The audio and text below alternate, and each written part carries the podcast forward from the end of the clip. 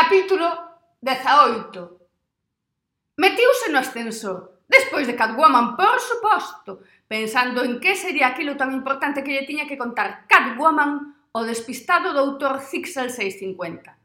En realidade, o que máis curiosidade lle provocaba era saber se as súas sospeitas se confirmarían.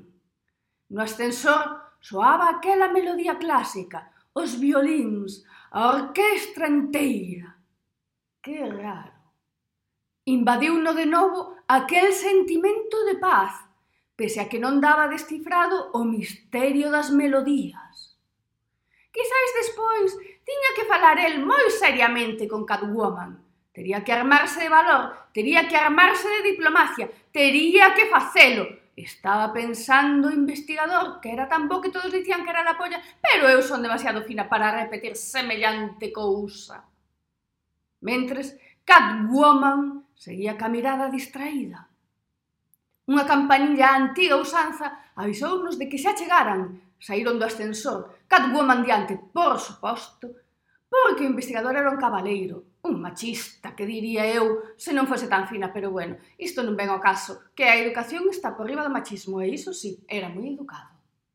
Na entrada do piso do despistado doutor Zixel 650 e maila estilosa señorita New Look atopáronse con Windows Quispe, a nosa libertadora de Loira Melena Pantén porque yo lo valgo favorita, e con Poppy, a nosa executiva de alto nivel favorita, que estaban mirando perplexas a reacción que tivera a estilosa señorita New Look ao ver de novo o despistado doutor Zixel 650, que tampouco había tanto tempo que non se vían para que o mirase con aquel descoñecemento.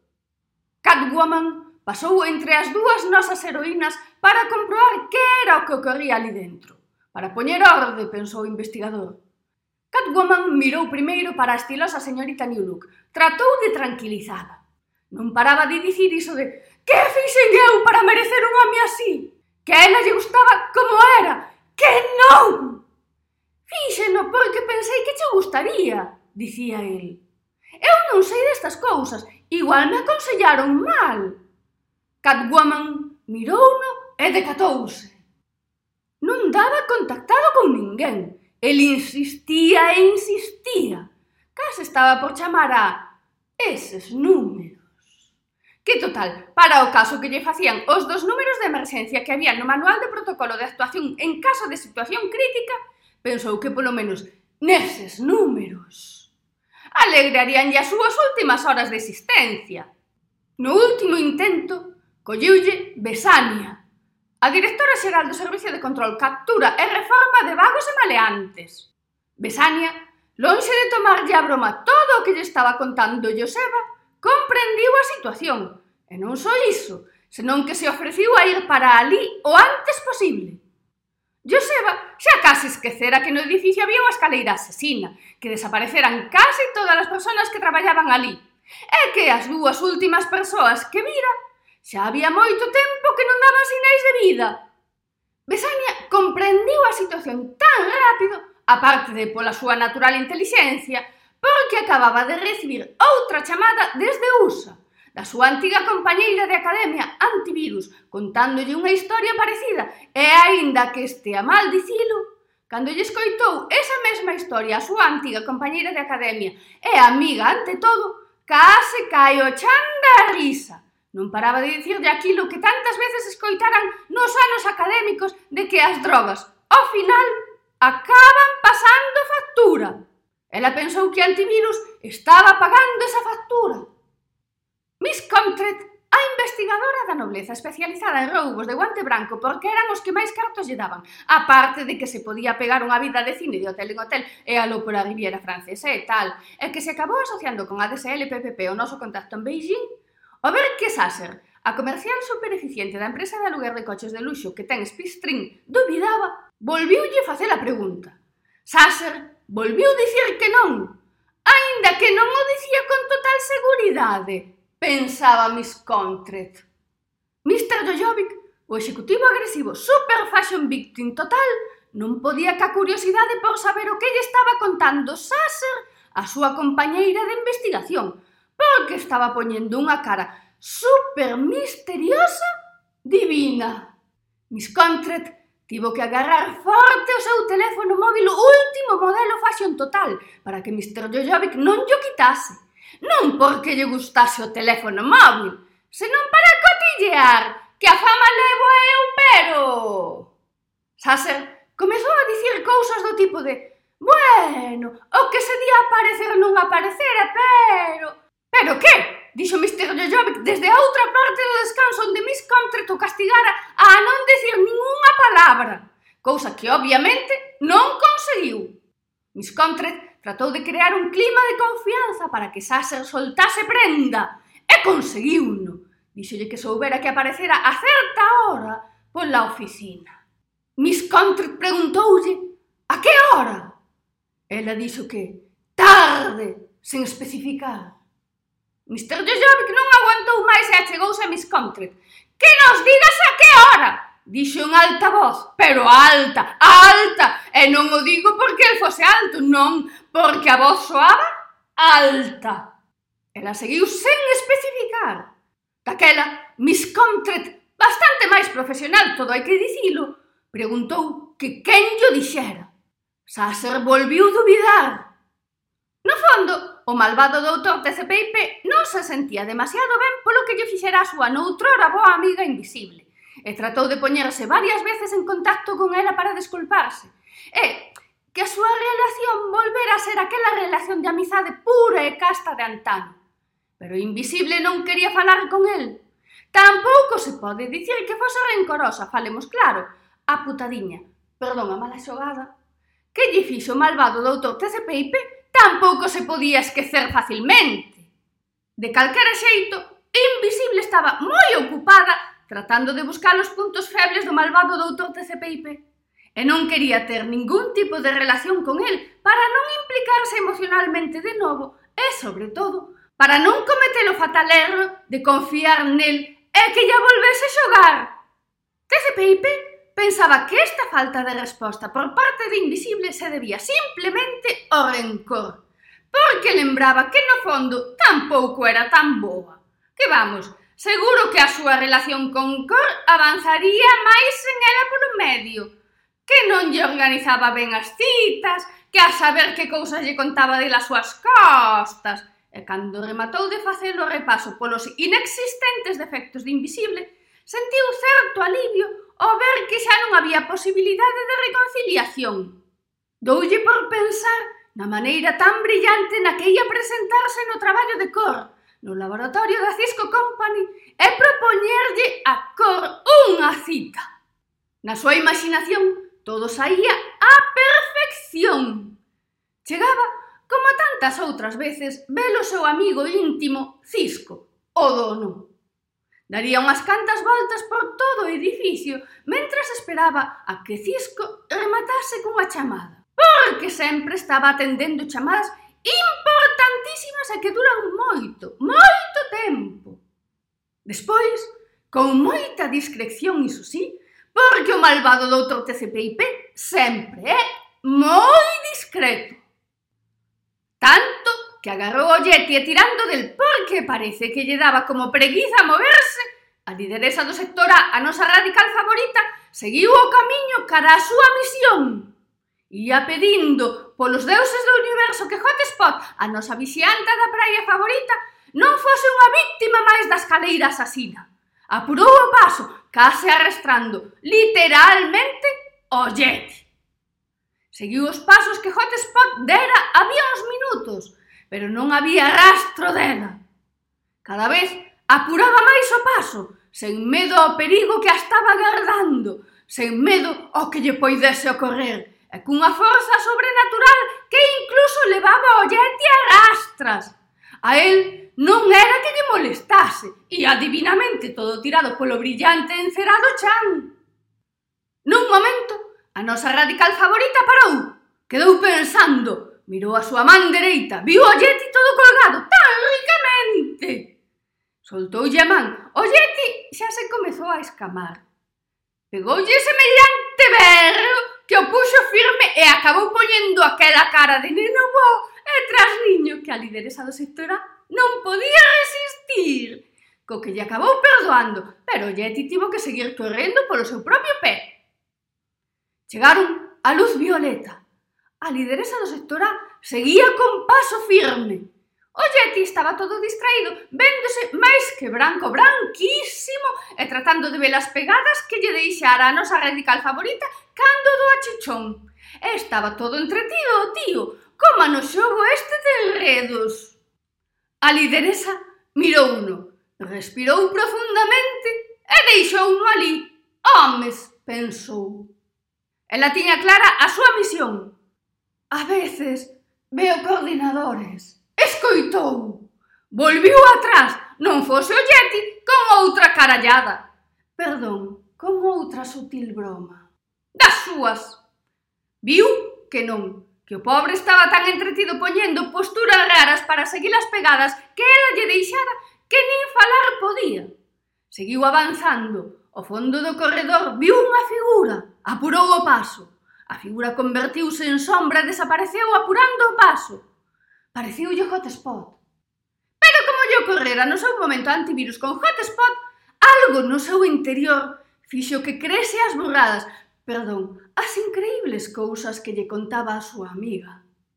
E xa estaba contactando con 3Z, a dona de varios locais underground, que a súa vez era amiga de Meiga, Que fixo o exconxuro para que se despexase a brétema e antivirus poidera despegar, que a súa vez era amiga dun tal DM que traballaba no servicio de contraespionaxe norteamericano, que a súa vez estaba en tratos con Galdés que andaba de gigolo pola Riviera Francesa co que ganara das exclusivas da liberación da maior cantidade de cachimas en máis vistos, aínda que o traballo fixera case todo Windows XP, que tiña como nome en clave Geldes!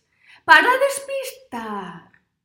Besania, que tivo que cancelar a cita co seu novo mozo, un moi ben formado, pero que a tiña moi creído, co que lle viña moi ben para poñelo no seu sitio. Pero tamén cabía a posibilidade de que el pensase que o da chamada recente da súa amiga era unha simple excusa para facerse interesante. Non é que lle importase moito, pero é que estaba formado ben formado. En por iso, a segunda chamada a do tal Silarte doulle veracidade á súa historia e fixo que tomase con máis interese o caso. A verdade é que ela non podía facer moito, pero pensou que 3Z sí, porque como era dona deses locales tan underground, seguro que tiña algún contacto que escoitara algo sobre unha escaleira asesina. 3Z xa oíra de todo na súa vida e pensaba que non lle quedaba nada por escoitar, pois estaba enganada de escaleiras asesinas non lle falaran nunca. Como ela tampouco podía facer nada, porque se aínda fora algo relacionado con grupos raros, pois sí. E pensou que a súa amiga americana Meiga que sí podía saber algo porque como ela estaba en contacto con máis aló e as forzas da natureza e todas esas paranormalidades. Pero Meiga, que xa lle chegara co ex conxuro da Brétema e que últimamente se sentía un pouco abandonada polos seus poderes, E a súa bola de cristal estaba un pouco achacosa. Vamos, que tanto lle dicía que a infanta Cristina se fixera unha ligadura de trompas e o dangarín a vasectomía, como que non había segunda parte de Ocean's e Pensou que Deme podía ser a persoa que precisaban as súas compañeiras. Notaba algo raro xa de primeiras, pero tardou en reaccionar. Cando se decatou, comprendiu a reacción da estilosa señorita New Look o despistado doutor Zixel 650 convertirase a 660. Non o fixo por mal. Catwoman sorriu con tenrura, non o puido evitar. O investigador volviuse a enamorar daquel sorriso. Papi case o ten que aguantar para que non se esvaecera da emoción. Mentres tanto, Catwoman e Windows trataban de tranquilizar a estilosa señorita New Look, que pouco a pouco se foi facendo o New Look do despistado doutor. E cando o dixo en voz alta, tampouco lle pareciu tan mal. Agora tiña un señor New Look. Non é que fose moi estiloso, pero un pouco máis que o 650 si que era. O despistado doutor Zixel 660 xa se comezou a sentir cómodo ca súa nova apariencia, porque no fondo el tampouco se encontraba. Pero como vira un programa deses de cambio de look radical, pensou que igual era a maneira de que ela volvese. Daquela, Miss Comtret viu que era a súa ocasión que tiña que empregarse a fondo. Sasser dubidaba e iso podía implicar que ao final acabaría contando todo se ela facía as preguntas aceitadas. Mr. Jojovic estaba moi atento a toda a conversa, o que el escoitaba É o que imaginaba que se estaba dicindo do outro lado do auricular. Miss Comtret seguiu co seu agudo interrogatorio. Como Sasser non respondiu a pregunta, Miss Comtret decidiu cambiala. E en lugar de preguntarlle que quen llo dixera, preguntoulle como o soubera. Sasser tardou en responder, aínda que se vía que tiña ganas de contalo todo. Mr. Jojovic ¡Ah, a piques estivo de arrañar a porta de castaño macizo. Miss Comtret agardaba pacientemente, sabedora de que pronto ia ter a resposta. Ao final, xa se falou. Comezou cun inocente. Por casualidade. Así como se queira. Por casualidade. Ela estaba na oficina da empresa de aluguer de coches de luxo de Spistrin Miss Comtret repetiuno en alto e non lle fixo falta mirar para Mr. Jojovic para saber que non cría nin por asomo aquela casualidade. Miss Comtret, que era todo sofisticación, díxolle que se lle podía contar aquela casualidade tan afortunada que a levara a estar Ela soltándoas con toda a súa sofisticación. Ali precisamente, a hora en que aparecera Spistrin. Agardando, claro, que aquelo fose unha cita romántica xefe empregada que lle daba así como moito morbo o caso. Sasa pareciu adiviñar a doble intención e ofuscouse toda. Que a ver que se pensaba ela, que podía ser moi noble, moi investigadora, moi sofisticada e moito o que quixera, pero non tiña dereito ningún a insinuar semellante cousa, que diría eu. Miss Comtret mirou victoriosa a Mr. Jojovic, que non podía ca curiosidade. Ao ver a reacción de Sasser, Soubo que, ao non acertar na súa suposición de lío xefe empregada que tanto morbo lle daría o caso, dou un salto cuantitativo no interrogatorio. Sabía que a seguinte pregunta sería a definitiva e reveladora da misteriosa visita de Sasser á oficina. E quen sabe se da desaparición de Spistrin. A estilosa señorita Newlook, cando se tranquilizou, viu que tampouco era para tanto que agora sou despistado doutor Fixel 650 se lle convertera nun metrosexual Fixel 660, pois tiña o seu lado bo. O apartamento parecía máis ordeado que decotío. Non había probetas ni restos orgánicos de sabe Dios que experimento no sitio máis insospeitado. Parecía que seguía ao pé da letra os mandatos do equipo G. Punto. Ela tería que afacerse á nova orde, que ao fin e ao cabo era o que levaba pedindo desde a última vez que desaparecera. Pensando ben, xa non tería que ir detrás del para asegurarse de que non saía espido á rúa, xa non tería que preocuparse por que comera, que ás veces pasaba días enteiros sen comer. Xa non tería que dicirlle que se bañara. Os homes son uns porcos, non este, todos. E saíulle un sorriso entre victorioso, tenro e abstracto que case asustou ao metrosexual Zixel 660. Windows XP pensou que xa non había máis que facer ali, xa que non había perigo nin de que a estilosa señorita New Look lle acabase tirando as cousas pola fiestra ao metrosexual Zixel 660, nin de que a estilosa señorita New Look lle dese un vaído ou unha lipotimia. É que ser era estilosa hasta para isto. Co que decidiu volver á súa casa. Ainda que a expedición ás Vegas durara uns días, cando abriu a porta da súa casa, notou ese ulido a casa que non é dunha. Percorriu as paredes ca mirada, foi á nevera por ver se tiña algo de comer, e xa cando se afixo de novo a estar ali, e se volviu sentir como na súa casa, doulle un punto de morriña. Colliu un bello álbum de fotos e foi directa. Non lle era difícil, era a foto máis grande. Sorriu ao velo de novo, pero non cun sorriso indiferente como nestes últimos anos, senón con aquel sorriso da morriña que a levara ás vegas. o de menos.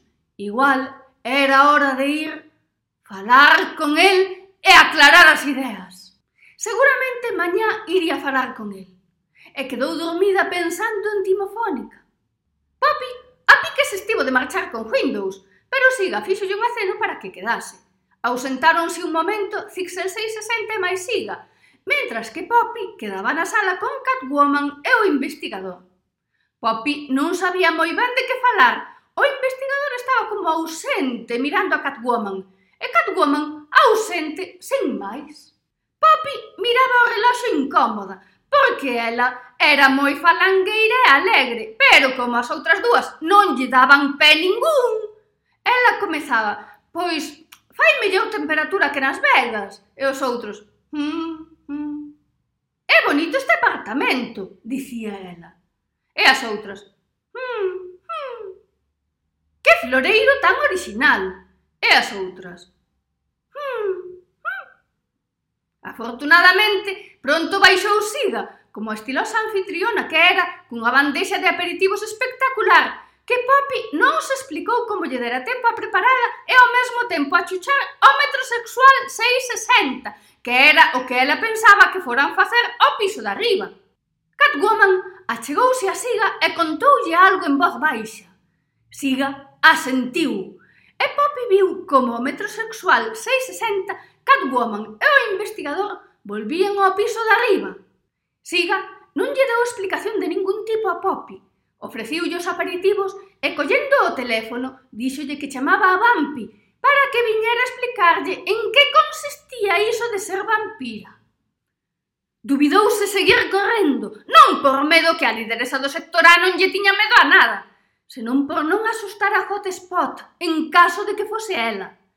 Desexou ter falado máis con ela, para que nunha situación como aquela tivesen unha clave pactada e recoñecida meterse no extraño mundo da escaleira descoñecida. Uns minutos despois chegou o seu carón o Yeti. Contoulle o seu dilema. El, como era de esperar, non lle ofreciu solución ningunha, pero contoulle un chiste e axudouna a relaxarse. Hotspot, pola súa parte, quedou quieta, escoitando. Non notara que a voz que decía A veces veo coordinadores, se achegase.